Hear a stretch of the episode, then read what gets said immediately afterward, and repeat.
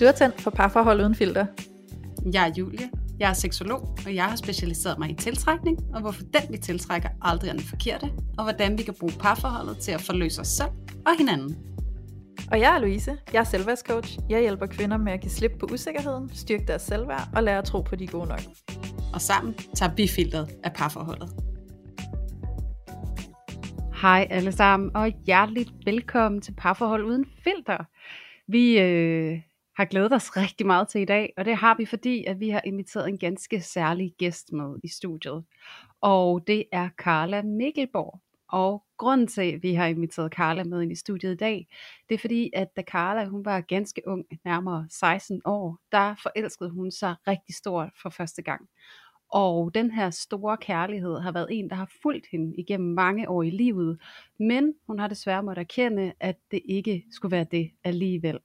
Og dermed følger jo den store hjertesorg og en længere proces, hvor Carla hun har måttet slippe den her gamle flamme, og ikke mindst også gøre sig klar til at møde en ny flamme og overgive sig til kærligheden på ny.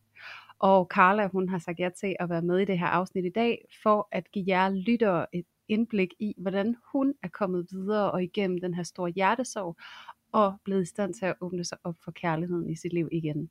Og vi glæder os rigtig meget til at kaste os ud i det her afsnit sammen med Carla, og vi kan godt love jer for, at der er rigtig, rigtig meget godt i vente.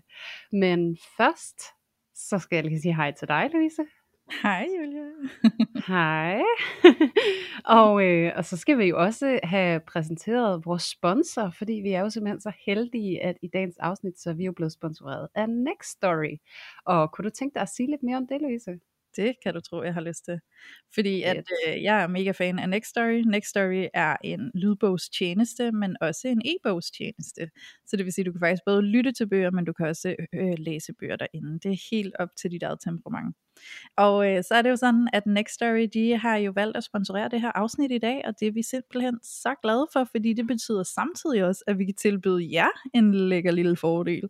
Fordi det er nemlig sådan, at I får lov til at få 60 dages gratis prøveperiode hos Nextory med vores kode. Og øh, det er super lækkert, og det der er helt unikt ved det her tilbud, det er faktisk, at selv hvis du har haft en gratis prøveperiode hos Nextory før, så har du altså mulighed for at få en helt ny prøveperiode på 60 dage. Så det gælder altså både for dig, der ikke har prøvet en gratis prøveperiode hos Nextory før, og dig, der har. Men alle jer, der allerede er abonnenter inde hos Nextory, kan desværre ikke benytte jer af det, men jeg tænker heller ikke, I har så meget brug for det, fordi I er jo allerede inde og lytter til alt det lækre, I gerne vil lytte til. Øhm, så det er super, super fedt, og øh, Next Story vil jeg godt lige stave, bare lige sådan, så vi er sikre på, at I kan finde det, når I begynder at søge efter det. Next Story, øh, Next Story staves N-E-X-T-O-R-Y, og øh, der kan I gå ind på deres hjemmeside, der hedder nextstory.dk slash uden filter. Og der kan I oprette jer med den her gratis prøveperiode på 60 dage med vores kampagnekode, der hedder uden filter. Og det staves altså U-D-E-N F-I-L-T-E-R.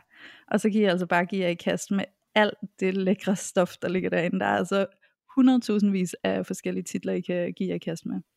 Og øh, blandt alle de her 100.000 titler, Julie, så er jeg lidt spændt på at høre, hvad for en titel du har været særligt tiltrukket af på det seneste. Ja, yeah. ja. Yeah. Jeg har nemlig været særligt tiltrukket af nogen. Øhm. og, øh, og lige nu så er jeg faktisk i gang med at lytte til bogen af Rikke Hertz, ja. som hedder Karma, Synkronicitet og Mod. Og det er fordi, at øh, jeg godt kunne tænke mig at starte det her nye år ud med at komme lidt bedre i kontakt med min intuition.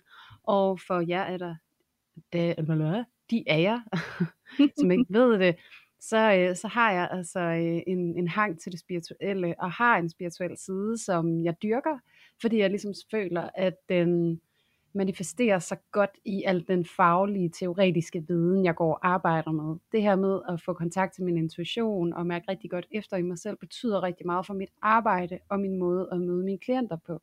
Mm. Så derfor så tænkte jeg, at den her bog, den var lige noget for mig, og jeg kan på det varmeste anbefale den. Den er så fin, og der er så mange gode pointer i den her bog, som er værd at tage med sig ind i livet.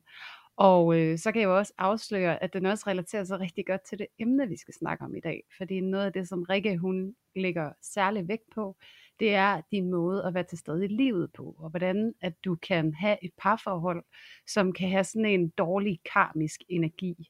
hvor at Rikke selv beskriver, hvordan hun har været i et dårligt karmisk parforhold, og hvad det gav hende at give slip på det her parforhold og åbne sig op for kærligheden, og for at modtage noget nyt i sit liv. Og jeg synes, hun beskriver det så fint, og hun har en masse gode, konkrete redskaber til os, hvordan man kan frigøre sig af den her dårlige karma. Så øh, for jer, der også synes, at det spirituelle det er en smule interessant, men også samtidig godt kan lide, at øh, det bliver noget teoretisk og noget håndgribeligt, så kan jeg så virkelig anbefale Rikke Hertz, fordi hun har den her enormt stærke viden som marketingskonsulent og samtidig er enormt spirituel. Så hun har altså fødderne så lidt plantet i jorden, samtidig med, at hun har en rigtig god forbindelse til det, der kommer op fra. Så øh, derfor er jeg pjandet med den, og giver jer den varmeste anbefaling til at lytte til den her bog. Mm. Og øh, øh, spændende. ja, den er virkelig fin. Jeg, jeg går virkelig og nyder den, og det fede er bare det, at jeg går og lytter til den, så kan jeg faktisk mærke sådan en energiskifte. Jeg føler mig lettere, og jeg føler, at det bliver nemmere at komme i gang med mine opgaver, og jeg får en helt anderledes energi på det. Og det taler måske sit tydelige sprog om, at om ikke andet, hvis du tror på, at det giver dig noget, og så lyt til noget på en anden frekvens, så, øh, så manifesterer det sig jo ret tydeligt, ja. hvis du kan mærke den forskel inde i dig selv. Ej, Så øh, ja, Den den er jeg så god. lytte til. Jeg kender kun Rikke Hertzen meget perifært, øhm, Ja. har hørt om hende, og sådan, men, øh, men den skal jeg da ind og lytte til, for den lyder da helt fantastisk. Ja, den er virkelig fed også, fordi hun kommer fra det her meget corporate management, hvor ja. Det er sådan meget maskulin verden, ikke? Jo. Og så hvor hun ligesom har været forgangskvinde for, at det feminine og det maskuline, det er smukt, når det eksisterer i, i samskabelse med hinanden, ikke? Altså, at det gør hun virkelig bare til UG, så det, hun er så inspirerende. Så Wow. endelig lyt til den. Ja. Ej, det var en god Ja. anbefaling, Julie. Nå. det synes jeg også. Og hvad med dig, Louise? Hvad, hvad, hvad har du øh, tænkt dig at kaste ud æderen i dag? Jamen, jeg tænker faktisk, sådan helt apropos øh, dagens afsnit, og at vi har Carla med i studiet i dag, så synes jeg jo ikke, at det ville være helt forkert at lige give en lille anbefaling til en af Carlas bøger, fordi Carla har jo faktisk skrevet to bøger.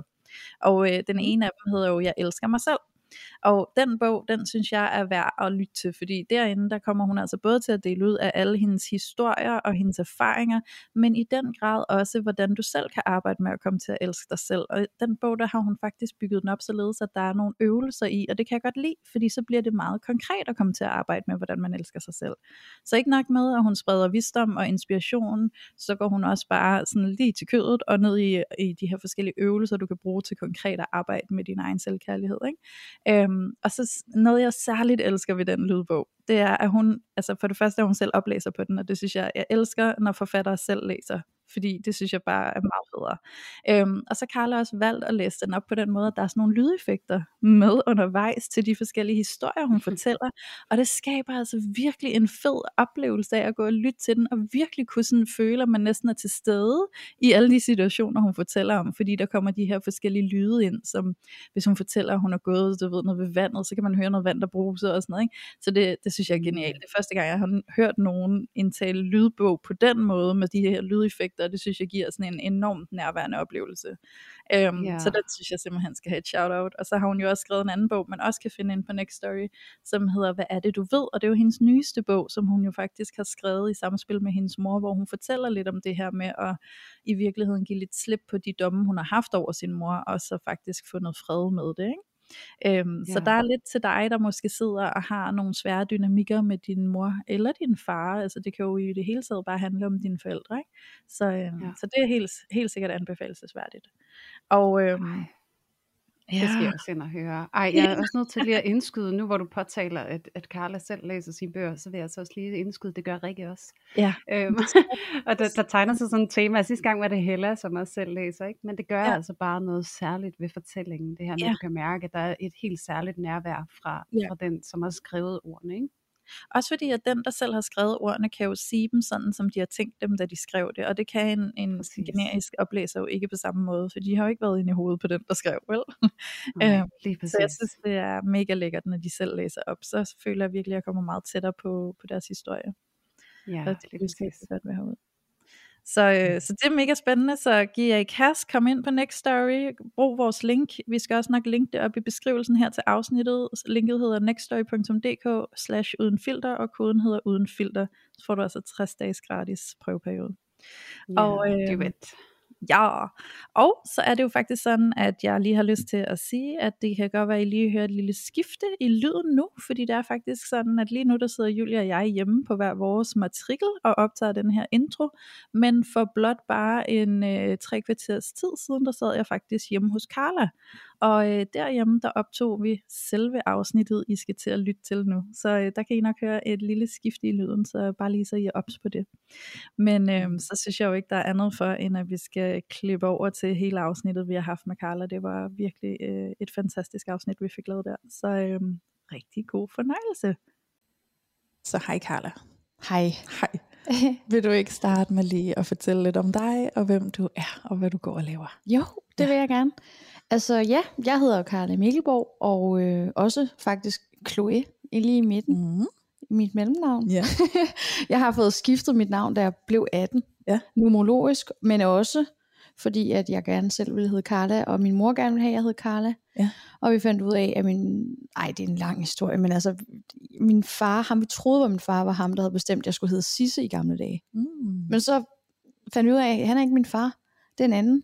Og så måtte jeg godt skifte navn, og så blev det til Carla. Ja. Så det hedder jeg. Ja. Og det var lige den lille historie, øh, som man godt kunne flytte flere ord til. Men øhm, lad os komme hastigt videre til at og hellere høre om, hvad jeg laver Ja. måske. Og det er, at jeg er influencer. Det er sådan det, jeg lever af økonomisk. Øhm, og, og jeg elsker det job, og det, det er så sjovt at løse de her, altså få en kreativ opgave og, og, og lege med det. Ja. Og jeg er uddannet tv-tilrettelægger, så jeg bruger ligesom mit, ja, det, den evne Ja. i den her sammenhæng. Ja. Men så har jeg også fundet ud af, at øhm, når jeg har det her store reach og deler ud af mit liv, at, øh, at der er mange, der bliver inspireret af det, jeg gør, og den måde, jeg lever på, og mit mindset.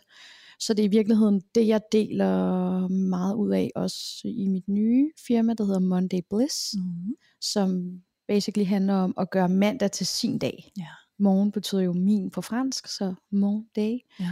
Og, øhm, og der er jeg i gang med at udvikle en masse forskellige produkter. Jeg har lavet en morgenkåbe til vinterbadning og aromaterapi og alle sådan nogle ting, som er med til at booste glæden og få os ind i nuet og ud af tankerne. Ja. Og lydmeditationer og alt muligt. Og det er sådan set bare det, jeg laver. Altså en stor pærevælling af selvudviklende produkter, bøger, dit og dat foredrag.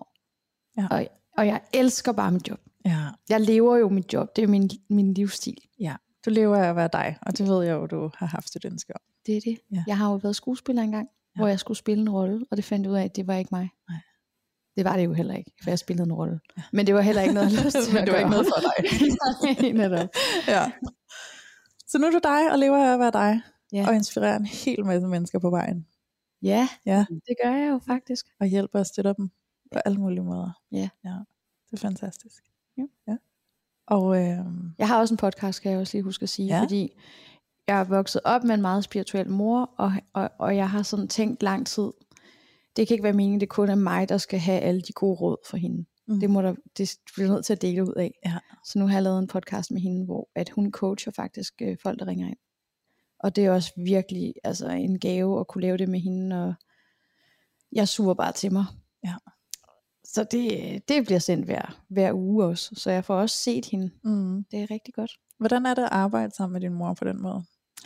Det er øh, lærerigt, Mm. vil jeg vælge at kalde det, og Ja. hvad er læring kan være hård. Ja. Ikke? Så det er det. Ja. Det er hårdt, Ja. men det er vigtigt. Og jeg tror også, at nogle gange, så får vi ikke lige det, vi vil have, men vi får det, vi har brug for. Ja. Og jeg har ikke fået, altså sådan, jeg er ikke født med en guldske i røven og drønet rundt til den ene skiferie efter den anden. Men jeg har til gengæld fået en mor med, med kæmpe, kæmpe meget dybde og, ja, og noget på hjerte, og, og i virkeligheden givet mig det ståsted, jeg har, jeg står på i dag, så solidt i, Mm. min, i, min, i mit erhverv. Ja. At jeg har faktisk noget at tale om. Det er ikke bare, jeg synes øh, det her, det er Mm. virkelig sådan, jeg ved det her virker, og jeg har levet et liv helt fra barn af, hvor jeg ved, at vores tanker skaber vores virkelighed. Mm. Og du er ikke et offer Men livet ved der noget godt. Ja. Er det fint sagt. Ja, Og jeg tak. tænker lige på din, øh, du har jo din nyeste bog, Mm. øh, som hedder Hvad er det du ved? Ja. Som jo også handler om dig og din mor, ikke? Jo, Ja. det handlede om at tilgive hende for ikke at være den, jeg troede, hun skulle være. Ja. Men se hende i kærlighed. Ja. Og det er jo faktisk arbejdet med den bog, der har gjort, at, at jeg har kunne både elske mig selv, fordi jeg har haft dårlig samvittighed over ikke at kunne rumme hende, Mm. og så har det egentlig bare gjort, at jeg også har kunne åbne hjertet for andre, og Ja. ja. altså finde kærligheden igen, som jo er det, vi skal snakke om i dag. Som er lige præcis det, vi skal snakke om i dag. Så var der, det var en fin lille overgang. så øh, i dag har vi jo inviteret dig ind, Carla, fordi vi ved, at du jo har en historie med kærligheden og i at få knust sit hjerte, mm. og faktisk have sådan en lang øh, rejse og udvikling til faktisk at komme et sted hen, hvor at du igen kunne have tillid til at kaste dig ind i kærligheden, sådan Mm. helt ægte og Ja. hengive dig. Ikke? Jo. Og det har du gjort nu. Ja, Ja. Åh, det er stadig lidt uhyggeligt for nu, eller det er ikke uhyggeligt, det er måske det forkerte ord. Men det er nervepirrende, fordi, oh my god, altså. Jeg talte med mine veninder om det den anden dag, hvor det bare sådan, åh, altså, jo mere man investerer, jo, når man flytter sammen, altså man, man på en eller anden måde, så regning, man, man bygger op til en regning, der bliver så uoverskueligt stor, Ja. fordi man investerer bare hele lortet i Ja. det, ikke? ja. Og det kan gøre så ondt, når, når, hvis det så ikke holder. Ja. Men øhm, forhåbentlig var det den regning værd, hvis det ikke går. Altså, det er jo lidt den konklusion, jeg i hvert fald kom frem til. Mm. Mm. Altså, Mm.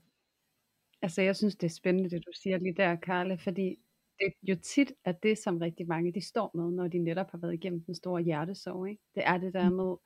Er jeg villig til, og er jeg modig nok til at give mig hen på ny, og så risikere et eller andet sted at blive såret igen, og skulle igennem møllen en gang til. Ikke? Altså, så det er Ja. så fint, det du beskriver, fordi det netop er så genkendeligt for mange, tror jeg, som sidder og lytter med lige nu. Mm. Ja. Og det, Det- ved vi jo, fordi der er jo faktisk rigtig mange af vores lyttere, som Mm. har skrevet ind med spørgsmål til dig, fordi mm. vi har jo preppet dem og sagt, at nu Ja. kommer du i studiet, og vi skal tale om det her. Og øh, vi ved, der sidder så mange derude, som også har prøvet at få knust deres hjerte, Ja. og synes, det er svært og nervepirrende at skulle give sig hen igen, med risikoen for at blive knust og såret en gang mere. Ikke? Jo. Så det var også derfor, jeg sagde ja, ja, til at være med. Fordi Ja. det er et vigtigt emne. Altså, vi bliver fucking nødt til at tro på kærligheden. Ja. Hvad, altså, hvad skulle vi ellers være her for? mm, Bare at få dagene til at gå? ja, Hell no. Skal mere til. Ind i puljen, du. Ja. Lev på fulde drøn. Elsk alt du kan, og så slå dig helvedes til at falde på knæ. Og ja, jeg, jeg havde misforstået det udtryk, og troede, det hed på, knæ, på røv og albuer. Nej, altså knæ og albuer. Hvor jeg nogle gange har tænkt sådan, hvem smider nogen ud på den måde? På knæ og albuer, det er ret besværligt, men det er så røv og... Åh oh, gud. Ja, Ja. men øh, på en eller anden måde bliver kylet rundt i livet. Det er da, altså, det er da bedre at være lidt nervøs og være, at have lidt på spil, end at røvkede sig. ja, Det er lidt min- bedre at mærke livet. Ikke? Det er også noget, min mor har sagt. Ja, men noget altså- af det, som der også er interessant at tale lidt i, når du, når du siger det, Carla, det er jo netop det her med, at, at du jo beskriver, at du har fået den her villighed til virkelig at vælge kærligheden til, og så ligesom at løbe den risiko, der følger med i forhold til at blive såret, og så sige, jeg er nødt til at kaste mig ud i kærligheden, fordi alternativet er jo egentlig mere smertefuldt, det der med bare at gå, og så skåne sig selv for at overgive sig til det, og så risikere aldrig at opleve det igen. Ikke? Og der er rigtig mange af vores lyttere, der netop spørger ind til det her med, jamen, Mm. hvordan har du fundet den villighed til netop at kaste dig ud i det? Hvad er det, du har gjort for ligesom at tage det step ind i kærlighed og vælge det aktivt til? Ja, men øhm, det kan jeg godt svare på, og det er simpelthen fordi, jeg fandt ud af, at når jeg frygter at blive såret, og derfor hele tiden holder sådan, du ved, altså sådan helt praktisk, lavpraktisk, har det været, mit mønster har været, at så har jeg mødt en fyr, men også lige holdt nogle døre åbne, fordi han skulle i hvert fald ikke have, have hele mig, eller jeg turde ikke overgive mig, Mm. og sige, det er fandme, jeg ligger alle ikke her i din kurv. Mm. Øhm, så det var ligesom min adfærd bygget op på den her frygt med at blive såret. og så finder jeg sgu bare ud af, at øh, det sover mig allerede nu. Mm. Ikke at, at, at give mig hen til det, jeg virkeligheden ønsker mig. Ja. Så, så det, der er blevet min sådan, ja, noget jeg tit siger, det er, at det vi frygter, er det vi oplever nu. Mm. Og det var så, så det var bare sådan en wake-up call for mig, og min veninde sagde også sådan, bliver du ikke ked af det, når, øh, når det ikke går, og du troede, det lige var ham, og at han så bare ikke svarer, eller ghoster, eller mm, det bare ryger ud i sandet, eller sådan. Og så er jeg sådan, nej, fordi jeg, jeg forventer det nærmest ikke rigtig længere. Altså, Mhm. jeg er bare, jeg kører bare derudad med min karriere, og så møder jeg nogen, og så øh, er det sådan, jeg lader dem ikke rigtig komme tæt på, så det er ikke sådan, jeg bliver ikke rigtig såret. Og så var det alligevel, gik jeg hjem efter den snak med hende og tænkte over sådan, åh, det, jeg er jo bare hele tiden lidt ked af det. Mm. Og så dulmer jeg det med arbejde, og jeg dulmer det med at bare drikke mig fuld det, øh, og tage i byen. Mm. Men det er som om den der, når man dulmer noget uden for sig selv, altså når man prøver at lukke ned på følelserne, så skal der mere og mere til for at holde det nede. Og til sidst blev det så tydeligt for mig, at, at altså sådan, alle de ting, jeg gjorde for at holde, holde kærligheden ude af mit liv, gjorde mig bare mere og mere ked af det. Øhm, det virkede mod hensigten at følge min frygt. Mm. Og det er jo nogle gange først, når, når, vi, når, når det hele koger over, altså at vi opdager, at den strategi og den overvisning, vi har kørt efter, ikke gør det arbejde, eller gør det for os, vi havde ønsket. Ja. Så jeg måtte jo jeg måtte kigge mig selv i kortene, og så finde ud af, hvad kan jeg så tro på i stedet for? Og så bare startede arbejdet egentlig bare med at gøre nogle af de ting for mig selv, sådan som jeg ikke havde, øh, jamen altså, gav mig selv noget kærlighed. Mm. Øh, gav mig selv fri til at gøre nogle af de ting, man gør, når man er i et forhold. Bare sidde og se film. Ja. Altså det havde jeg ikke gjort i 100 år, fordi at når jeg var alene med, med roen, så kom alle tankerne op, og hvor er jeg på vej hen, og hvornår møder jeg en ny, og hvornår glemmer jeg jo min kære, gamle kæreste, og Mm. rydde lidt op i det også. Gør nogle selvkærlige ting, Ja. og man kan mærke forskel på, om noget er selvkærligt, eller om noget stadigvæk er den gamle overbevisning, ved at tonen, man taler til sig selv, er kærlig. Ja. Og omsorgsfuld. Ja, Ja. og det var som om, jeg begyndte at vende de der, den der måde, jeg talte til mig selv på, til noget, der var støttende frem for noget, der var nedbrydende. Ja. Og, øh, og det var det arbejde, tror jeg, der har gjort, at jeg har for det første øh, holdt op med at gøre de der gamle mønstre, som, som sårede mig, og har fået en ny overbevisning om, at jeg er elsket, jeg er nok, jeg behøver ikke gøre mig fortjent til kærlighed, og jeg elsker fucking at være mig. Mm. Jeg gider ikke at ødelægge mit liv med, med en forkert overbevisning, der bare spænder ben for mig selv. Jeg er færdig med at stå i vejen for kærligheden. Ja. Jeg tager imod nu. Ja. Og så mødte jeg ham jo bare. Ej. Er det fint. Mm. Og jeg tænker jo også, Carla, nu siger du det her med, at du stillede dig jo ikke til rådighed for at hengive dig helt til nogle af de fyre, du datede i den periode, der var.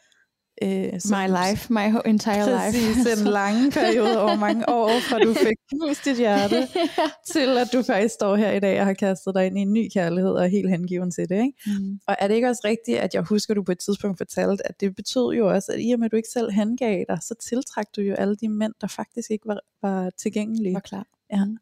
Min mor sagde også sådan, jeg sagde, hvorfor er det, jeg hele tiden finder nogle fyre, der ikke er klar, og som skal ud og rejse, eller som er, ikke er kommet over deres ekskærester. Mm. Mm. Det var sådan virkelig noget, der bare skete hele tiden. Og det er jo sjovt, ikke? for det var lige præcis det samme, du. Så, Exactly. ja. Og det kunne Ja. jeg ikke selv se til det. Ja, så sagde hun til mig, at du kommer over din eks. Ja. Nej, godt, det er det spejl, det er det spejl, du oplever. Og, så er man sådan, okay, men hvem fanden, hvad, hvad er det for en regel lige pludselig at hive op af hatten? Ja. Hvad er det for noget med et spejl? Altså prøv at høre, det er bare totalt tilfældigt. Øh, nej. Fordi, ja, og hvorfor er det sådan? Jamen det er det, fordi at vi giver nogle signaler fra os, uanset om vi er bevidste om dem eller ej, øhm, som fortæller andre. Jeg, op, jeg, jeg sådan her er jeg over for mig selv. Jeg taler til mig selv på den her måde. Jeg gør de her ting, fordi at jeg har den her overbevisning om, at øh, jeg ikke tør at kaste mig ud i kærligheden. Jeg er såret. Jeg er heller ikke rigtig kommet over min ekskæreste. Mm. Der gør man nogle forskellige ting, som bliver opfattet af omverdenen. Ja. Og hvis så andre kan se, okay, der er en, der er ligesom mig her, det kan jeg godt spejle mig i også. Altså sådan, det føles trygt og rart, der er en, der er på samme måde som mig. Så finder man sammen. Så, så det handler jo ikke om, at man skal ændre andre, eller at vi skal, nu må jeg også finde en anden type. Nu kan jeg ikke gøre det her. Nu, kan, nu, nu er det, det er mig. Jeg vælger forkert. Nej, kig på, hvad er det, de gør, som du ikke kan lide, og hvad er det i dig, der har tiltrukket det. Ja. Og så ændre det. Fordi det skete jo også, da du begyndte at ændre din energi, ikke? Jo. Så tiltræk du lige pludselig noget, der var tilgængeligt. Så tiltræk Fordi jeg du var tilgængelig. den bedste af dem alle sammen. Den fuldstændig fuldkommen rene sjæl, altså, ja. som han er, ham jeg har mødt. Altså, jeg er, jeg er virkelig stolt af mig selv, at det, at øh, bare at det lille stykke arbejde, jeg skulle gøre, kunne, kunne give sådan et fantastisk resultat. Ja, lille stykke arbejde, og jeg tænker, det var lidt, lidt større, lidt hårdere arbejde. Ja, det sidder jeg også og tænker, at det må Jo, have været. Altså, det er også fordi, når man taler om frygt og den store frygt, ikke? og det der med, at man virkelig har oplevet at blive såret enormt meget, og det er også noget af det, mange af vores lyttere, de faktisk spørger dig om, Carla, det er det her med, hvordan, hvordan gik du igennem den frygt? Altså, var det, en, var det en eller anden daglig praksis, du havde, eller var det et eller andet grundlæggende stykke arbejde, du måtte gøre med dig selv, sådan at du ligesom kunne nedbryde frygten, og få brudt de her barriere i forhold til at møde den fantastiske mand, som du er sammen med nu? Ja. Øhm, jeg tror, at det var først, da jeg sådan begyndte at, at gøre arbejdet med mine tanker og bevidsthed, at der kom ændringer i mit liv. Mm. Fordi jeg havde læst rigtig mange bøger, og vidste også meget jo hjemmefra. Og min mor, og hun var sådan, det har jeg altid sagt til dig. Mm. ja, ja, men jeg skulle lige gøre det selv først. Ja. Og øhm, ja, altså, det som der er den helt store afgørende faktor, hvis du vil ændre noget som helst i dit liv, det er altså bare, være opmærksom på, hvordan har jeg det lige nu? Er jeg vel tilpas? Det er sådan et spørgsmål, jeg stiller ind på nogle gange i løbet af dagen. Mm. Og, og da jeg begyndte at stille mig selv det spørgsmål, så kunne jeg så dengang ofte svare, nej, det er jeg ikke. Jeg har det røven nederen. Jeg er så stresset. Ah, Okay, så hvad er det så, der gør, at du er så stresset? Jamen det er fordi, jeg hele tiden tænker på noget, jeg skal nå om lidt, og jeg er ikke til stede i noget som helst. Okay, så jeg er lidt stresset. Og det var som om, det er som om, når man er stresset, så ryger man meget nemt hen i de der gamle vaner og øh, destruktive mønstre. Mm. Og så har min ventil, det har så været handlingen ud af den der stress, det har været drikke sig pissefuld i weekenden, knalde med en eller anden tilfældig, Mm. øh, sove mig selv dagen efter, øh, hænge ud med ham lidt, hygge, og, og lege vi er kærester en dag, og så ellers aldrig se ham igen. Ja. Og det var bare så tærende, ikke? Mm. Så, så øhm, det har ikke hjulpet så godt at skulle, altså sådan, det har ikke været, så drikker jeg bare ikke, eller nu går jeg bare ikke i byen, eller jeg nægter mig selv at gøre mit mønster. Men det har været at give mig selv lidt mere fri og fred, så jeg ikke havde brug for så mange ventiler, og ikke var så stresset. Ja. At jeg ikke skulle krybe til de der øh, quick, quick løsninger, som fik mig ud af min i virkeligheden bare mistrivsel, fordi Mm. ja, det faktisk var hele livet, det var gået ud over, når jeg ikke valgte kærligheden til, at det var hele mit liv, der ikke var Mm. særlig rart. Også fordi, som du selv siger, du har jo gået og presset en hel masse ned, altså undertrykt mm. en hel masse. Ikke? Og det er jo også det, der er interessant, fordi nu spørger vi ind til, hvad var processen i at arbejde med den der frygt, og sådan få skiftet din energi til at stå, hvor du er nu. Mm. Øhm, og jeg hører jo, at det du fortæller, det er, at du tillod faktisk dig selv at mærke dig Ja. selv. Ikke? Og jeg hører, at det der skete sådan, indtil du begyndte på det, det var jo faktisk at undertrykke alt, hvad der egentlig lå inde i. Ja. Alt det der mærke, mærke og føle, føle, det blev egentlig bare lukket lidt ned, og så kører vi bare fuld fart frem. Ja. Øhm, og som du selv siger, man kan jo godt forstå en hel masse sådan teoretisk, og du har læst masser af bøger om selvudvikling sikkert, og du har din mor, der kan skrevet en fortælle dig, du har selv skrevet en bog. øh, også en god bog, lyt til den. Mm. Øhm, og, øhm, og, og på den måde kan vi jo godt forstå en hel masse med vores logik Mm. og teoretisk, ikke? Jo. men så også at komme til det sted, hvor vi kan implementere det i vores virkelighed, og få det ned i kroppen. Og det er jo den der proces af at ture og mærke, og det er jo det, som rigtig mange af os faktisk kan have svært ved at ture. Mm. Fordi det kan være hårdt, og det kan være skræmmende, og det kan være meget ubehageligt. Og hvad er det nu også, jeg kommer i kontakt med? For jeg bliver Mm. måske ked af det, når jeg mærker efter. Ikke? Og det har jeg måske ikke lyst til at være. Men til sidst, til sidst bliver smerten bare for stor. Ja. Øh, og den badebold, man prøver at tvinge ned under vandet, mm. Mm. den popper op og slår ind i ansigtet, og det var lidt det, der skete for mig. Ja. Faktisk øhm, var der en, en, en, en event, et event, jeg var til en fødselsdag, og havde drukket, jeg ved ikke, hvor mange espresso martinis, og, og var så sindssygt fuld, altså, at jeg, øhm, at jeg faldt på vej hjem og brækkede næsen. Ej. Ja. Altså, og det er bare ikke sådan, altså sådan dagen efter, og jeg skulle holde to store foredrag dagen efter, og, eller et par dage efter, og det var bare så utjekket, tænkte jeg. Ja.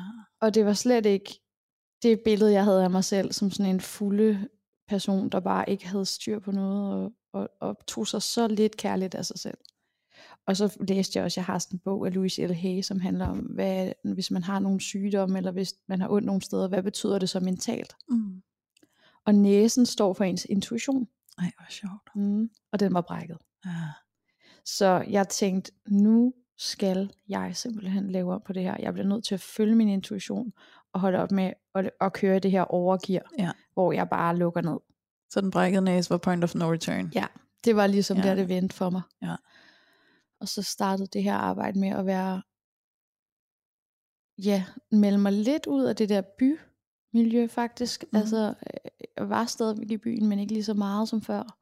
Øh, fik også nogle nye venner, som jeg kunne tale med om nogle spirituelle ting. Ja. Øhm, blev rigtig gode venner med, med nu med en, der hedder Nini, som bor tæt på mig, som vi, vi, sådan, vi løber sammen. Mm. Men det er også coaching. Vi holder hinanden oppe på de ting, vi ved. Vi har, har ret meget samme mindset, så det er sådan, ja, og jo stadigvæk er fyldt med problemer og alt det der, men sådan kan nå at sige, nu er du over i ham, Mm. kom tilbage til dig selv, altså kan sige de der ting til hinanden Ja. flere gange om ugen. Ja. Så det har været en kæmpe personlig udvikling, siden at, at det, det venskab kommer op at stå også. Så du har jo faktisk både taget nye valg i din hverdag om, mm. Mm. hvad, hvad vil du bruge din tid på, hvor vil du placere dig selv hen, mm. ikke? Så i Mm. stedet for at placere dig så meget i bylivet, så tog du nogle andre beslutninger. Det er jo på Mhm. det helt lavpraktiske plan, ikke? Ja, Og det har jo også været med til at tiltrække nogle andre mennesker i dit liv. Ja. Fordi du måske i højere grad har udstrålet den ægte dig, ja. der faktisk er mere spirituel, og faktisk lige pludselig begynder at tiltrække nogle mennesker, der matcher det i dig. Ja. Og lige pludselig fået forhøjnet det der niveau inde i dig, i din bevidsthed, og begynder at kunne samtale med nogle mennesker, der kan give dig den støtte, Ja. som du har brug for, så du også er omgivet af den støtte. Ikke? 100. Og det kan jeg da skrive under på, fordi at øh, Julie og jeg, vi bruger jo også hinanden rigtig meget i hverdagen. Ikke? Mm. Og det er jo guld værd, fordi det er skønt, at vi kan snakke sammen, fordi vi jo begge to har den bevidsthed, og vi har ja. alt det kendskab til hele den her selvudviklingsverden, så vi kan også støtte hinanden på det der niveau, Mm. hvor vi kan sige til hinanden, sådan her, sådan her, ikke? Mm. som du kan med Nini. Ja, det er Ja. ja. fedt. Så øh, Julie, er det ikke noget med, at der også er nogle øh, lyttere, der har spurgt lidt ind til, hvor er det så, man går hen, hvis man godt vil møde en ny, og møde den nye kærlighed? Mm. Jo, det er der, og der er faktisk flere, der har spurgt. Øhm, og det er jo fordi, at der er flere, der anfægter det her med, at de simpelthen faktisk slet ikke ved, hvor de skal ud og møde en ny. Så selvom at de føler, at de er kommet sig over den her hjertesorg, og ligesom måske er et sted, hvor de egentlig føler sig klar til at komme ud og møde nogen, så er de faktisk slet ikke nogen anelse om, hvor de skal gå hen. Så derfor så er der jo rigtig, rigtig mange, der er enormt nysgerrige på, Carla, hvor Søren I to I egentlig har mødt hinanden. Ja. Øhm, og der er jo flere øh, bud. Er det Happen? Er det Tinder? Er det Real Life? Så øh, kan du break, øh, breake, hvad det er, du gjorde, og hvor du gik hen, og hvordan I mødte hinanden?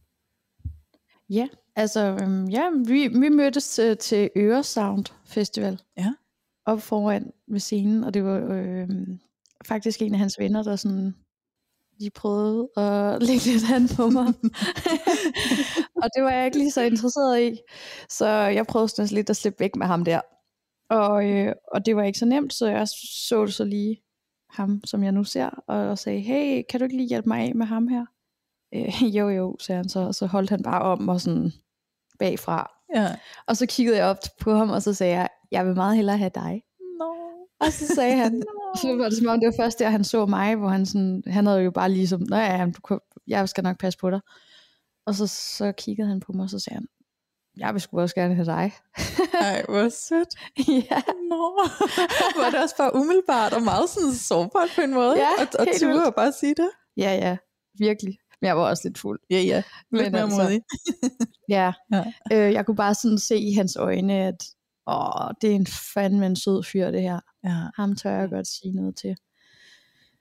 Øhm, og så øh, min veninde, så stod jeg jo der i armene på ham, og hun var sådan, Nå, men nu skal vi altså gå. Ah, lige nu, tænkte jeg så. øhm, men så tænkte jeg, okay, ja, ja. Jeg, jeg vidste jo ikke, altså sådan, det, det var bare lige en sjov lille seance. Det, det jeg tænkte ikke, det er ham, jeg skal være sammen med for altid. Nej. Men så, så var han sådan, hey, hey, hvad går du nu? Ja, ja, vi skal videre. Ej, kan jeg ikke lige få dit nummer, så inden du går? Jo, det kan du godt, eller finde mig på Facebook, øh, Instagram, tror jeg det var, ikke? Ja. Øhm, så fik han mig lige connected der. Og så øh, var vi videre til en eller anden fest, og så, så skrev jeg bare lige til ham, eller addede ham tilbage. Og så skrev han en ret lang besked dagen efter, hvis nok. Altså, vi, vi nåede ikke at ses det mere den aften. Mm. Og jeg, så skulle jeg rejse. Og så, så, der kom bare hurtigt en sådan ret nice besked tilbage, hvor jeg tænkte, han har gjort sig umage med at skrive den her besked. Det kan jeg godt lide. Ja. Øhm, og så var jeg, skulle jeg ud og rejse lige efter, og så var jeg væk i 14 dage eller sådan noget, der skrev vi bare sammen ret meget, og han var fucking sjov. Ja. Øhm, og jeg grinede virkelig meget også med de ting, jeg sendte tilbage til ham. Sådan alle mulige sjove ting, man så. Og, øh, og så tænkte jeg, det her, det kan noget. Og så sås vi, da, vi, da jeg kom hjem. Mm. Og så er det bare... Og så var det bare sweet loving. Lige det er derfra. dejligt. Det var det, der øjeblik, Carla, hvor det er, I kigger på hinanden, og hvor du siger, jeg vil gerne have dig, og så jeg vil også have dig. Mm. Så kan jeg ikke lade være med at sidde og komme til at tænke på, jeg har jo lyttet til en anden podcast, du har været med i, hvor du fortalte om det her med at få knust dit hjerte. Ja. Øhm, og der beskrev du jo også mødet med den her første øh, store Mhm. kærlighed i dit liv, og der, der beskriver du faktisk også sådan et møde, hvor du bare kan mærke, at der er sådan en energi mellem jer fra start. Så jeg Mm. sidder og bliver helt nysgerrig på, om det må lidt var den samme oplevelse, eller en tilsvarende oplevelse af, der bare var sådan en instant energi mellem jer. Øh, ja. altså, uh, øhm, jeg tror, at jeg tror jo på tidligere liv. Mm. Og jeg tror, at øhm, både mig og ham den første, og så også ham her nu, har været nogen, som jeg har, har et eller andet tidligere med. Mm. Fordi det har ikke bare været første gang, det har været en genkendelse. Ja. Og det er den glæde, jeg mærkede i begge tilfælde. Ja. Øh, og jeg tror også, at ja, så, ja det, er det, det er det samme, og det er også de eneste to, øh, ikke noget ondt om nogen øh, andre kærester, jeg har haft. Det har været nogle gode oplevelser og, og lærerigt, men den der dybe kærlighed, Mm. som jeg oplever, øh, altså for mit vedkommende, jeg siger ikke, det skal være sådan for alle, men som kommer med det samme. Ja. Jeg ved det, når jeg ser dem. Mm. Det har jeg kun oplevet de her to gange. Ja. Og jeg ved også jo så af erfaring, med den første i hvert fald, Mm. at det er ikke noget, der slipper igen. Mm. Jeg, altså, jeg elsker stadigvæk også øh, Christoffer, som han hed den første. Mm. Og øh, det vil jeg gøre til den dag, jeg dør. Ja. Men jeg skal ikke have ham tæt på i mit liv, fordi at øh, vi er gode for hinanden, og jeg har også givet slip på ham, Ja. ja. og ideen om, at vi skulle finde sammen igen, fordi det har vi prøvet masser af gange, og det er ikke godt for nogen af os. Hvordan er du, øh, kan du fortælle lidt om, hvordan du har fået givet slip på Christoffer? Mm. Øhm, nu har du fortalt, at du i mange år jo stadig elskede ham, og egentlig også var forelsket i ham, er det ikke sådan? Altså, jeg elskede ham bare altid, og så når vi så, så røg alt tilbage til, ja, forelskelseagtigt, mm. ikke? Øhm, Ja. Så hvordan har været processen i at gå fra måske stadig at hænge lidt fast i den kærlighed, I havde, og svært ved at sådan komme videre og hengive dig til noget nyt, til faktisk at få givet slip på ham, men stadig bare have ham i dit hjerte som et godt minde, hvor du ved, mm, du har været et menneske i mit liv, der har betydet meget, jeg elsker dig, mm. men du holder mig ikke tilbage længere. Nej. Altså, den sidste kæreste, jeg havde, da vi gik fra hinanden, og jeg flyttede herind i min lejlighed, og flyttede væk fra ham, øh, der begyndte mig og Christoffer lige at se hinanden lidt igen, og prøvede at være sådan venner. Mm. Og det var ikke så godt. Nej. Det var vi ikke så gode til. øhm, og der kom der bare en dag, hvor jeg tænkte, nu kan jeg ikke vente længere. Så nu må jeg give den en over nakken. Og så, så, så sagde jeg bare, hallo, vil du, vil du have mig, eller hvad? Og øh, jeg vil have dig, jeg elsker dig. Jeg vil ikke, jeg vil ikke, øh, jeg vil ikke noget andet end det. Og, øh, og så, så måtte han ringe op og sige, at, at det kunne han ikke. Mm. At det, det kan han simpelthen ikke. Han, han synes, vi havde prøvet nok, og han kunne ikke give sig hen til det. Han troede ikke på det. Okay. Og at han jo også elskede mig, men at, at det simpelthen bare ikke ville gå.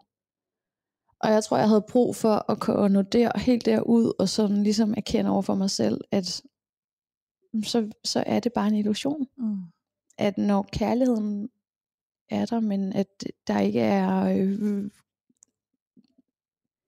der er ikke mod til det, eller der er ikke lyst til det, at det skal blive et forhold, så må man også give slip. Mm. Og det gjorde jeg bare, altså ikke som sådan en, nu skal jeg bare give slip, og nu, nu er jeg bare en kæmpe taber, hvis jeg holder fast i de her følelser, når det ikke engang er gengældt, men det blev bare sådan naturligt for mig, at jeg, at jeg stille og roligt jo bare tænkte, eller jeg sagde bare til ham, nu bliver jeg nødt til at, jeg stiller dig altså på, på alle mulige medier, og du skal ikke ringe til mig mere, du skal ikke skrive på min fødselsdag, Mm. du skal ikke komme forbi på min fødselsdag, altså jeg har jo kendt ham hele mit liv, Okay. og har, altså han har også, til min 30 års fødselsdag var han i, i telefonen i flere timer, og Mm. kom faktisk også forbi om aftenen, men kom så ikke ind.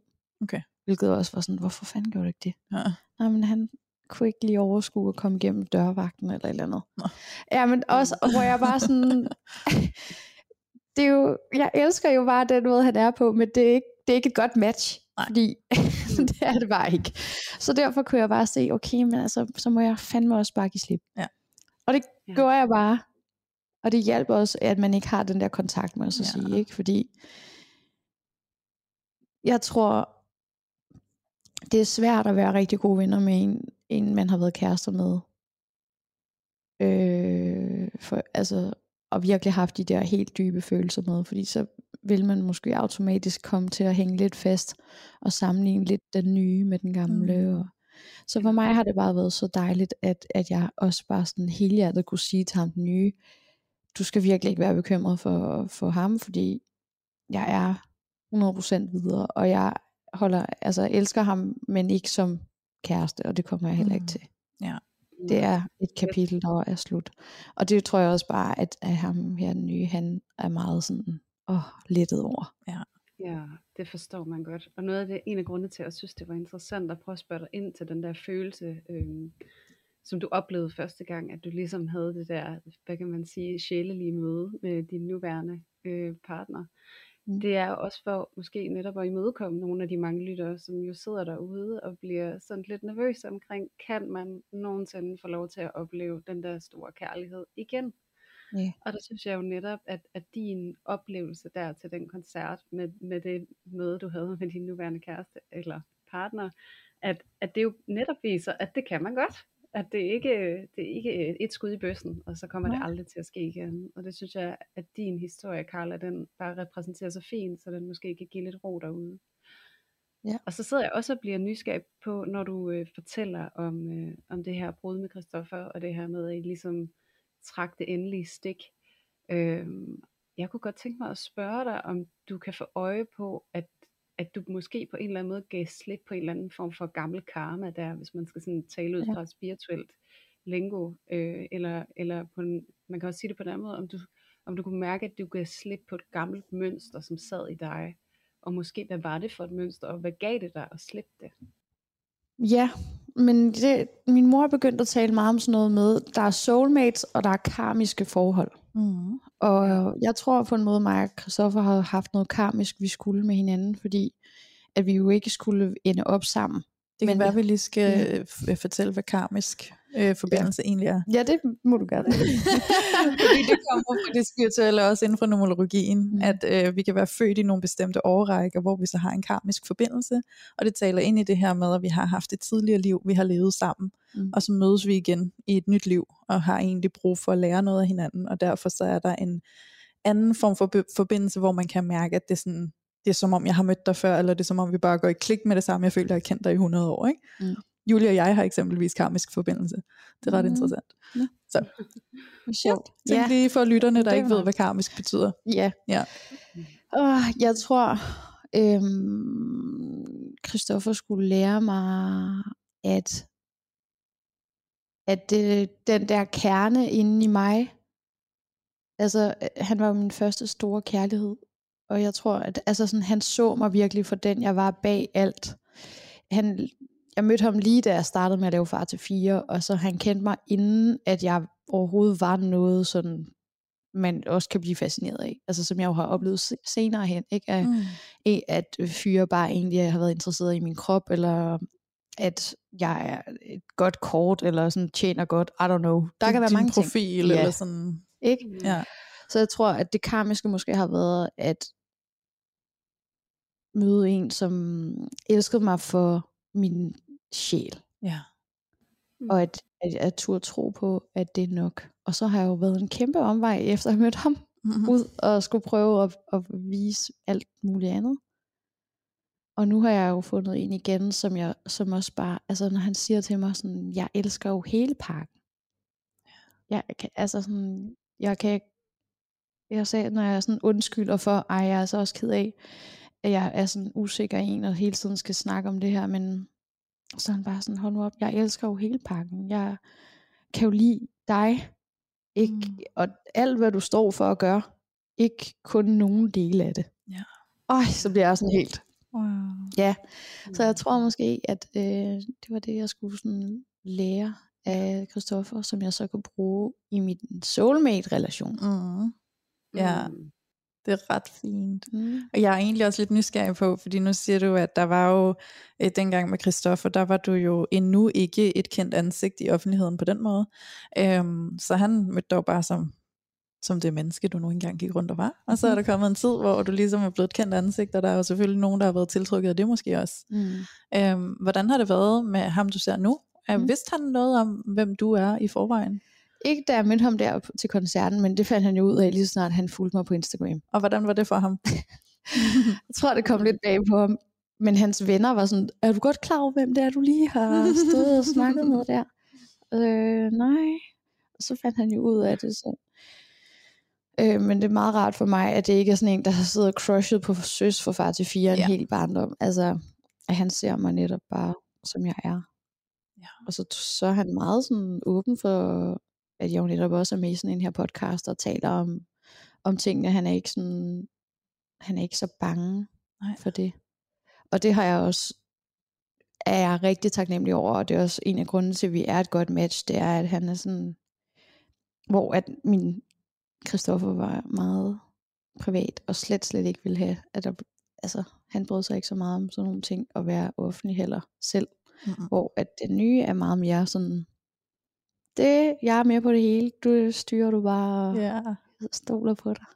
Så det matcher jo mm. bare totalt til ja. dig. Ja, det gør, at jeg føler mig meget tryg og fri. Ja. ja. Det er jo egentlig også et rigtig godt sådan praksis eksempel på, hvordan han netop har sagt ja til hele pakken, ikke? Altså sådan, jo. at han netop træder 100% og hele hjertet ind i, at jeg ved godt, hvem du er, Karla, og hvad du står for, og hvad du brænder for, og hvordan dit liv ser ud, og jeg er bare klar til at være en del af det det er jo altså ja. også en helt enorm kærlighedserklæring på en eller anden måde, ikke? fordi at der jo også følger mange ja. andre ting med det, at stille sig frem offentligt og blive genkendt af den store befolkning. Ja, øhm, det ved jeg heller ikke, om man er klar over. Eller er klar det kan han til. bare. det, det, det må vi lige se på. Så tager det lige tynde skiver her i hvert fald i starten. ja. men, der, men der er et spørgsmål, jeg rigtig gerne vil stille dig, Karla, fordi at sådan noget, jo mere vi sidder og taler ind i det her, og hvordan at, at du virkelig kan mærke, at det, det er noget helt særligt, og måske endda en soulmate connection, det lyder jo helt underligt. Men jeg er mm. nysgerrig på, og det er vores lytter også, fra det øjeblik, hvor I står til den koncert, og I får øjenkontakt, og ligesom skaber den første forbindelse, hvordan kan du så mærke inde i dig selv, nu er jeg klar til at gå ind i en relation igen på den her måde? Fordi der er mange lyttere, der sidder derude sådan, jeg har fået knust mit hjerte. Hvordan kan jeg vide, at jeg er helt klar til at gå ind i en ny kærlighedsrelation og give mig hen til det? Så hvordan kunne du mærke det? Mm. Jamen, jeg kunne jo ikke mærke det lige i starten, der vidste jeg slet ikke, hvad det her var. Der var jeg jo bare sådan fuld og mødte ham og ja, og det, vi ser lige, ja, vi kan da godt lige skrive lidt sammen. Og, men så mens jeg var ude at rejse, der var sådan et tidspunkt, hvor jeg sagde, hvor mig og min veninde, vi havde logeret os ind på et eller andet tåbeligt hotel, fordi at hun troede, der var nogle surfer dudes der. og det var der ikke. og, og så skrev jeg det så til ham, at sådan, det var derfor, vi var her, og at hun gerne ville det. Og så var han sådan, ja, må ikke også du også selv gerne ville det? Og så skrev jeg bare sådan, nej, jeg har jo dig. Mm. Og det var sådan den første, ja, sådan lige finger, jeg stak ud, sådan, ja. hey, og, og hvor det bare handlede om mod, tror jeg. Mm. At, at øh, jeg er nok bare sådan en, nogle, jeg er, ikke, jeg er ikke så god til at øh, være meget eftertænksom og, og sådan virkelig overveje alle konsekvenser. Jeg er sådan mere den impulsive type.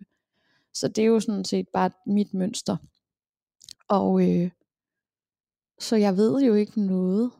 Jeg tror det er egentlig det, jeg sådan kan finde tryghed i, at jeg aner ikke, hvad der er output af det her, men nu prøver jeg det lige, hvis det føles lidt sjovt at skrive, eller lidt, det er der måske noget om faktisk. Ja, jeg er jo ikke altså sådan på udkig efter andre lige nu, fordi jeg skriver med dig, og jeg, jeg glæder mig til at se dig igen, så nu skriver jeg bare det. Ja. Så jeg tror, at hvis du selv er meget i tvivl, og ikke ved, at jeg er klar til noget, hvad, så kan man måske, måske bare spørge sig selv, hvad, hvad er det værste, der kunne ske ved, at jeg lige prøvede det? Mm. Og så tog det stille og roligt hen ad vejen, og skulle der opstå noget, hvor man tænker, uh, det her, det kan jeg i hvert fald ikke sige ja til hele hjertet, så lad være. Og måske også give slip i at prøve at regne det hele ud på forhånd. Ikke? Ja. For det tror jeg altså også er en, vi er mange, der kan skrive under på og gøre en gang imellem. Det mm. der med at tro, at vi skal regne det ud på forhånd, før vi committer os til det. Ja. Før vi tør at gå derhen. Ikke? Fordi vi skal lige være sikre på, at det ikke kan gå galt. Det er det. Ja. Og der tror jeg måske også bare, at det du gør, Carla, og som jeg synes er så fint, det er, lad mig eksperimentere. Ja. Lad mig prøve det af, mærke mig selv undervejs, og så finde ud af, om det føles rigtigt, eller, eller om jeg skal sige stop. Ikke? Jo. Ja. Don't be afraid. Altså, det værste du kan gøre, det er, at du kan få et nej, eller blive skuffet, eller et eller andet. Ja. Og det kommer du altså også over. Ja, det gør du. Men det kan jo ja. være øh, frygtindgydende for rigtig mange, Mm. at man kan risikere at blive afvist. Ikke? Fordi det kan spejle ind i, et, øh, i en følelse af ikke at være god nok, hvis man går rundt med den i forvejen. Men hvorfor Ikke? tro det? Ja. Altså, man kan lige så godt tro, at man bliver taget godt imod. Ja. Altså sådan lige i starten af vores relation, så skrev jeg også bare sådan, mm, når du er færdig med fodbold, kommer så ikke bare herover. Ja. Og også virkelig sådan ærligt, altså hvor jeg også var lidt overrasket over mig selv, at jeg var så villig til at få en, altså få en afvisning, Mm. mm. sådan, nej, jeg, jeg er pisse træt, jeg skal bare hjem. Ja. Men så skrev han bare, jo, hvorfor ikke? Og selv hvis han havde skrevet, jeg er pissetræt, jeg skal bare hjem, så Ja. handler det måske også om, pas på, hvordan du tolker det, ikke? Fordi så kunne man jo godt komme til at sidde og tolke, at det har noget at gøre med, at man ikke er god nok, eller han ikke vil, eller alle de her ting. Og i virkeligheden nu huske, måske er han bare mega træt, Netop. og vil godt hjem, og så vil han ses igen i morgen, eller et eller andet, ikke? Netop. Ja. Bare lad være med at, altså jeg tror opskriften i kærlighed er, lad være med at prøve at regne den ud, prøv tingene af, og og gøre det, der lige føles rigtigt i øjeblikket. Ja. Øhm, så kommer du længere, end hvis man hele tiden sådan lige skal sidde, øh, det kan jo være, at han nok ikke lige gider at ses lige så sent, og så må jeg nok heller bare lige lade være med at spørge. Ja. Ja, men så ses I jo aldrig. Nej. Man skal ture og give sig ind i det, Ja. og gøre en indsats. Ja, også selvom du ikke tør, så bare gør det. Ja, og jeg tænker særligt, når man står og har været udsat for noget, ikke? hvor man føler, det er et kæmpe enormt traume på ens følelsesliv, ikke? hvor man virkelig, virkelig er blevet såret og ramt, så er der virkelig, virkelig meget forløsning at hente, hvis man er villig til at læne sig ind i tilliden til, at det nok skal gå, og accepten af, at tingene er, som de er, og Mm. jeg skal nok klare det. Og så det her med, og sådan, som jeg også hører, du siger, Karla, det her med egentlig at ændre sine overbevisninger lidt sådan, hvorfor skulle det ikke blive godt det her? Altså i stedet for at sige, hvad er det værste, der kan ske, så sige, hvad vil være det bedste, der kunne ske? Mm. Jamen, det, og det- man tror jo, at man beskytter sig selv, og der kan vi igen tilbage til det der med, det du frygter, det er det, du oplever. Mm. Så når du beskytter dig selv, fordi sådan, nej, jeg tør ikke spørge, så bliver du bare ked af det. Du har næsten Mm. allerede fået afvisning, inden du overhovedet har spurgt. Du har givet dig selv afvisning. Ja, du har givet dig selv Ja. afvisning, det er det. Mm. Don't do that. så vær med. Og alt det du gerne vil have, og alt det du ønsker dig, er på den anden side af at holde dig tilbage i frygten. Mm. Den er på den side af at ture og gå ud i det og være modig. Og modig behøver altså ikke at betyde, at det føles godt, og det føles som om, at man er totalt klar. Modig betyder, at man er skide bange, men man gør det alligevel. Man tror på kærligheden. Ja, man tror Det på det. det. Ja. Og det er det eneste, der er altid, der er bare et valg, og det handler om, er det frygt, du handler ud fra. Mm. eller er det kærlighed? Kærlighed. Ja. Julie, har vi et øh, afsluttende spørgsmål fra lytterne, som vi skal nå at have med til Carla, inden vi øh, begynder stille og roligt rundt af for i dag? Mm, jeg tænker, at øh, jeg har fundet et spørgsmål her, som egentlig er sådan en rigtig god opsummering af det, som vi gerne vil gå herfra med i dag. Mm. Og det er jo, hvordan søren arbejder vi med os selv efter hjertesorg, sådan at vi kan åbne os op for kærligheden på ny. Og der er en af vores lyttere, der egentlig har øh, lavet et spørgsmål, som kunne være rigtig fint at få besvaret her til sidst. Og det er, hvordan arbejder man bedst med sig selv efter et breakup og bliver klar til den nye kærlighed? Hvad er det, du har gjort, Carla? Hvis du sådan lige skulle Mhm. opsummere det for vores lyttere, sådan, hvordan kan de gribe det an, hvis de sidder derude og er opslugt af den her frygt? Mm. Altså, jeg synes egentlig ikke, jeg er et særligt godt eksempel, fordi jeg føler, at jeg har været kærestesorg i 16 år Mm. et eller andet sted. Men der, hvor jeg til sidst gav slip, det var jo bare ved at konfrontere og sige, det her vil jeg, og det her vil jeg ikke. Og hvis det ikke kan blive sådan, som jeg vil have det, så bliver jeg nødt til at handle anderledes. Og give mig selv nogle andre øh, overbevisninger. Og så, han, og så hver gang at jeg så begynder at gå ind i tankerne omkring, åh, hvor kunne det være rart, hvis, hvis nu han bare overgav sig, og er der ikke en lille mulighed for, at jeg kan øhm, gøre noget, der kan få ham tilbage, eller hvad det nu er. Så tænk, så bare tage mig selv i de tanker, og bare være sådan, det her er ikke det, du ønsker dybt set. Mm. Hvis det er den konklusion, jeg er kommet frem til. Ikke? Du, du vil gerne finde en ny kærlighed, og du vil gerne elske dig selv, og, og have et nice liv, og ikke hele tiden gå og være ulykkelig. Så, så den her tanke, den hjælper dig ikke. Så siger jeg bare, hej lille tanke, du hjælper mig ikke til andet end at bare holde fast i den her ulykkelighed. Nu lægger jeg lige dig herover, og så fortsætter jeg med, med det, jeg har gang i. Mm. Og så, øhm, nu er jeg selv ved at tage en mesa kognitiv uddannelse, hvor jeg tror, det vil også gavne at, at bruge den her teknik. Så kan man så sige, at jeg kan ikke lade være med at tænke på det. Mm. Lige nu er jeg pisse ulykkelig. Fair nok. Men vil du bruge hele dagen på at være ulykkelig, eller på, måske kun om aftenen, eller et eller andet tidspunkt på dagen, øhm, så sæt tid af til det. Ja. Og helst ikke lige før sengetid, fordi så ligger man og tænker over det der. Ja. Men, og så når man så netop ligger og skal slappe af, og tankerne kommer op, så siger man, hov, det er først i morgen kl. 16, at jeg har sat tid af til, at jeg kan tænke på det her. Mm. Så man hele tiden skubber tanken frem. Så du holder møde med dine tanker på et bestemt mødetidspunkt. Yes, Ja. så er det nu. Så Ja. kommer I bare. Ja. Og man behøver ikke skrive det ned noget sted og huske sig selv på det, fordi man har den her indre sekretær, der lige siger, øh, så har vi det her på dagsprogrammet, og hvad vil du så sige? Og så når man når hen til klokken 16, så er man også sådan, åh, jeg gider kraftedeme ikke. Og sidde og tænke på det her nu, jeg vil hellere bare ud og lege med mine venner. ja. og så får man jo brugt meget mere tid på livet, Ja. end på tankerne, og det er nok den bedste måde at komme videre på, det er at gøre noget andet. Ja. Øhm, giv dig selv nogle gode oplevelser. Vær den gode kæreste, ven, øh, over for dig selv, som du troede, den person skulle være over for dig. Ja. Så hvad er det? Det er at Ja. lave lækker mad. Ja. Det er at tænde sterinlys. Det er at se, se en sjov film. Måske være sammen med nogle andre dejlige venner. Og jeg kan godt lide det, du siger lige nu, Carla, fordi Mm. det er jo også rigtig ofte, at man kan blive fanget i den der oplevelse af, at der skal komme et menneske udefra og give mig alle de her ting. Ikke? Mm. Og det kommer jo altså først, når vi kan begynde at give os selv det. Jamen også fordi, øh, det, hvis der skal komme nogle andre, altså man kan da sagtens, har du ikke nogensinde prøvet at, at, at få et eller andet, eller være ude og op, være i Tivoli eller et eller andet, Mm. og hvis man ikke er i stemning, så er det ikke sjovt. Nej. Så det er jo noget med at ændre din indre mood. Ja. Ved at for eksempel skrive taknemmelighedsdagbog. Øh, kom, få, lære at fokusere mere på det, der fungerer for dig. Ja. Og, netop, og så også det her bevidsthedsarbejde med, at lige, lige nu kan jeg ikke rigtig bruge den her tanke til så meget andet, mm. end Mm. at den kan gøre mig ked af det, så den vælger jeg ikke at bruge mere tid på. I stedet for vil jeg nu gøre noget rigtig dejligt for mig selv.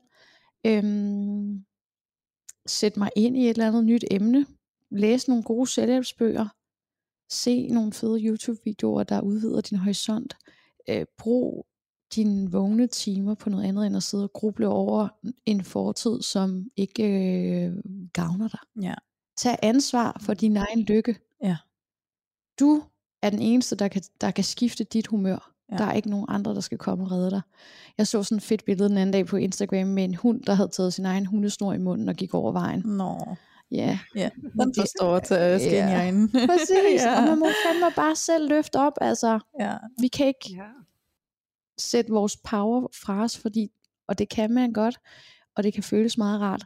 Men den store lykke ligger i, når vi tager poweren til os, Mm. Mm. så man ikke er så pisse sårbar. ja.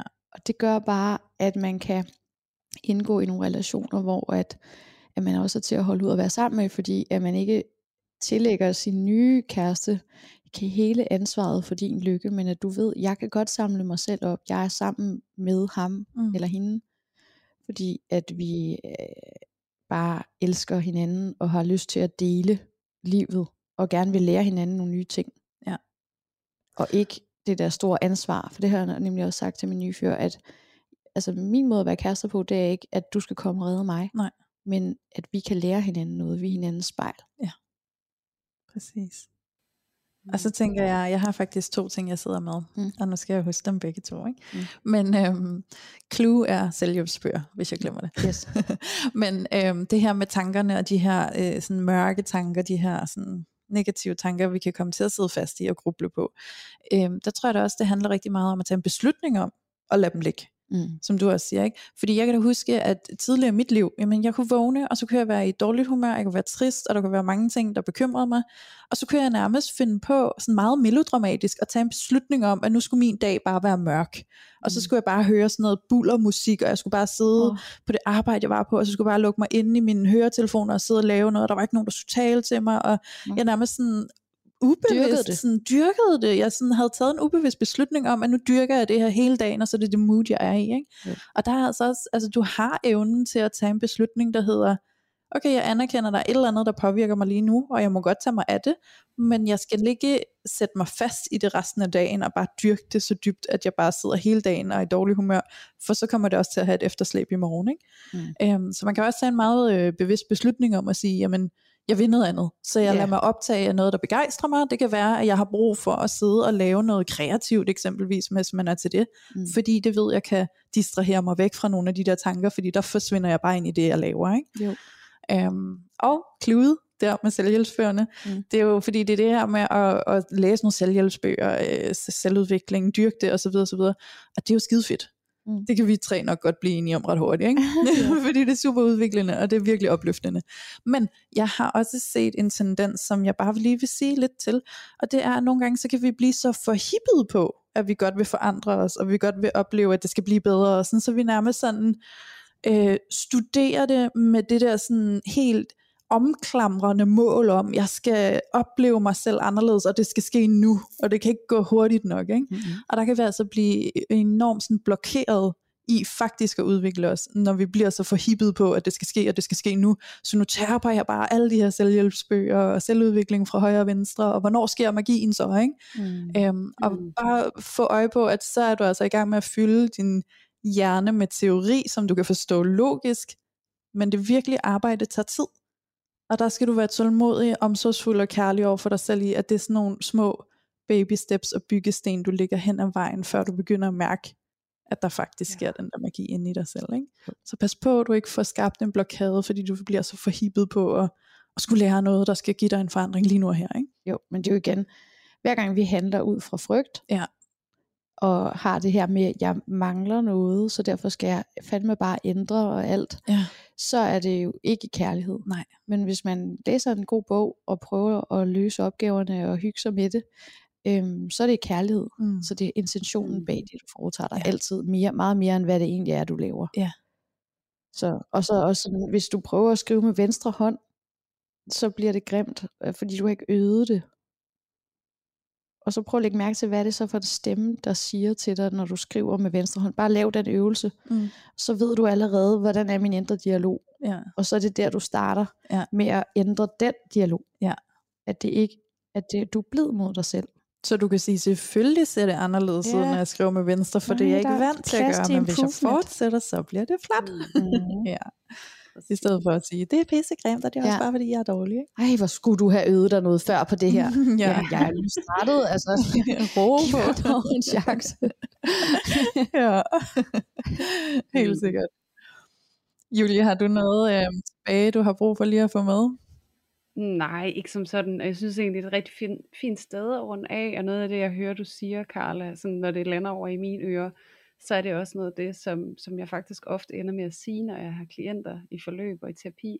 Så det er det her med at, at prøve at øve dig i, og så fokusere mere på, hvad du gerne vil have, i stedet for, hvad du ikke vil have.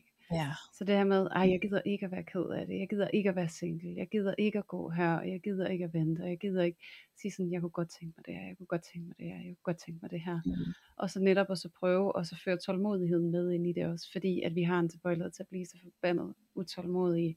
Og det kan også blive utrolig ukærligt over for en selv, fordi man netop prøver at pace sig selv et sted hen, hvor man ikke føler sig klar til at være, og så samtidig så får man fortalt sig selv, du er ikke god nok, som du er lige nu, eller det er ikke godt nok der, hvor du er lige nu. Ikke? Mm. Så det her med, at vi bare starter stille og roligt med at flytte vores fokus til, hvad er det egentlig, jeg godt kunne tænke mig. Mm. Det synes jeg, det er et rigtig fint sted at runde af. Men jeg kunne godt tænke mig måske, sådan til allersidst, lige at spørge dig, Carla, sådan til alle vores lyttere, der sidder derude lige nu, og måske er et sted, hvor de har givet lidt op på at finde en stor kærlighed igen. Hvad vil dine sidste ord være til dem? Vi skal tro på kærligheden. Mm. Fordi alt andet, det er bare tanker, frygt, ikke virkeligt illusioner. Og lever vi efter det, så får vi et ulykkeligt liv. Så øv dig i at have tillid. Øv dig i at tro på kærligheden. Så er det det, du kommer til at opleve. Ja, Oh, det er så fint. åh, oh, det er så fint. Og nu Ja. sagde du tidligere, at du måske synes, du ikke var det gode eksempel, fordi du har gået i 16 år med kærestesorg. Men jeg tænker faktisk, at lige præcis derfor er du et fantastisk eksempel, fordi du virkelig har gået vejen. Øhm, og du har virkelig mærket, hvor ondt det gør. Og du har virkelig også gået i det i lang tid, så du kender det bare så godt. Så derfor så Ja. tænker jeg også, at der er enormt meget ethos i det, du siger, at vi kan virkelig godt ture at læne os ind i og have tillid til det, du siger. Fordi du har om nogen været en særlig rejse igennem, hvor du virkelig har mærket det på egen krop. Ja. Tak. Jeg tror, jeg skriver en bog om det. Ja, Ja. flere bøger. Vi glæder os allerede. Hvor er det godt. Men øhm, Tak. tusind tak, Carla, fordi du har været med i dag. Selv tak. Det var Det en fornøjelse. Kæmpe fornøjelse. Ja. Fantastisk energi. Ja. Tak. Og øhm, til alle jer, der sidder og lytter med, så vil vi jo bare invitere jer ind i vores loge, fordi at der har vi altså et fantastisk fællesskab inde, hvor du kan komme ind og dele alle dine tanker og dine dilemmaer i dit eget parforhold, og øh, du kan regne med, at du bliver taget imod meget omsorgsfuldt, og simpelthen bliver øh, sparet med og får rigtig gode råd, og det er fantastisk. Så kom derind og vær med i vores meget fantastiske og kærlige fællesskab inde på Facebook, og der finder du altså lotion, den hedder parforhold uden filter bindestreg lotion, og hver tirsdag lukker vi nye medlemmer ind. Så øh, skynd dig ind og vær med allerede i morgen. Ja, og det er jo måske særligt oplagt nu, ikke? hvis du lige sidder derude, og så føler, at du virkelig kunne spejle dig ind i Carlas fortælling, og i de ting, vi har talt om i dag, og du går med en hel masse dilemmaer omkring, hvordan du rykker dig videre herfra i din sorg og tættere på kærligheden, så kan du jo med rette lave et opslag ind i lotion, og så ved vi bare per erfaring, at der sidder en hel flok af vidunderlige mennesker, som er klar til at gribe dig og støtte dig og give alle deres råd til, hvordan de selv er kommet videre derfra, og de sidder. Ja. Så øh, kæmpe varm anbefaling til jer derude. Og så kunne jeg rigtig godt tænke mig at komme med endnu en lille anbefaling. Og det er jo, at Spotify, de har jo simpelthen lavet det sådan, at man endelig kan få lov til at rate podcasts derinde. Og vi har jo først spurgt, om I vil rate os ind i Apple Podcast, og hvis ikke du allerede har gjort det, så bliver det utrolig værdsat, hvis du vil tage dig et par sekunder til at gøre det. Og selvfølgelig også gøre det ind på Spotify, fordi det gør altså en enorm forskel for os at få jeres feedback og, øh, og få noget hjælp til ligesom at blive mere synlige. Så øh, der kan du altså gøre en stor forskel, hvis du gider at bruge et par sekunder på det. Så tusind tak til dig, der har gjort det, og tusind tak til dig, der sidder og tænker, det gør jeg lige. Det ja. og så skal vi jo lige endnu en gang sige, at det her afsnit det er sponsoreret af Next Story, og der kan du altså få tre, eller undskyld, 60 dage, er det jo faktisk 60 dages gratis mm. brug af Next Story. Og det er både for alle jer, der har haft en gratis prøveperiode før, og alle jer, der ikke har, men ikke for alle jer, der allerede er eksisterende medlemmer hos Next Story. Så, øh, så gå ind og find linket i vores beskrivelse, og øh, brug vores kode uden filter, og så få 60 dages gratis nydelse af en masse selvhjælpslydbøger, som du kan blive mm. meget klogere på. Ja, det andet min. Mine. Ja, blandt andet. Ja, ja, ja. ja. Vi kan lige sige titlerne jo, på dem, Carla. Den, en, den første hedder Jeg elsker mig selv. Jeg elsker mig selv. Og den anden hedder Hvad er det, du ved? Ja, lige præcis. Og mm. øh, gå ind og lyt til Carlas bøger, fordi så er der altså meget mere visdom for Carla. ja. ja. ja. ja. Og øh, Julie, så vil jeg også bare lige sige, øh, Ja, du skal ind og lytte. Ja, ja. Jeg har allerede lyttet til din første bog. Sådan. Ja, så jeg har den anden til gode. Men Julia, så vil jeg også bare sige tusind tak for dig i dag. Det har været øh, skønt, at vi har kunne øh, lave det her sammen og sammen med Carla. Ja, selv tusind tak. Det har simpelthen været sådan en fornøjelse, og jeg har været så spændt på at skulle sidde her i Aarhus og kigge på jer to. Ja. Men øh, jeg synes alligevel, at, øh, at det gik. og jeg håber også, at, øh, at, ja, det synes jeg også, og jeg håber også, at lytterne sidder derude og tænker, ved du hvad, det gik bare rent ind, og øh, det bemærkede jeg slet ikke undervejs. Så øh, det håber vi. Så tusind tak til dig også, Louise, og ikke mindst tusind tak til dig, Carla. Det har været en kæmpe fornøjelse at have dig med i dag. Tak, og lige måde. Og tusind tak til alle jer vidunderlige lyttere derude, der endnu en gang har været med til at tage filteret af parforholdet.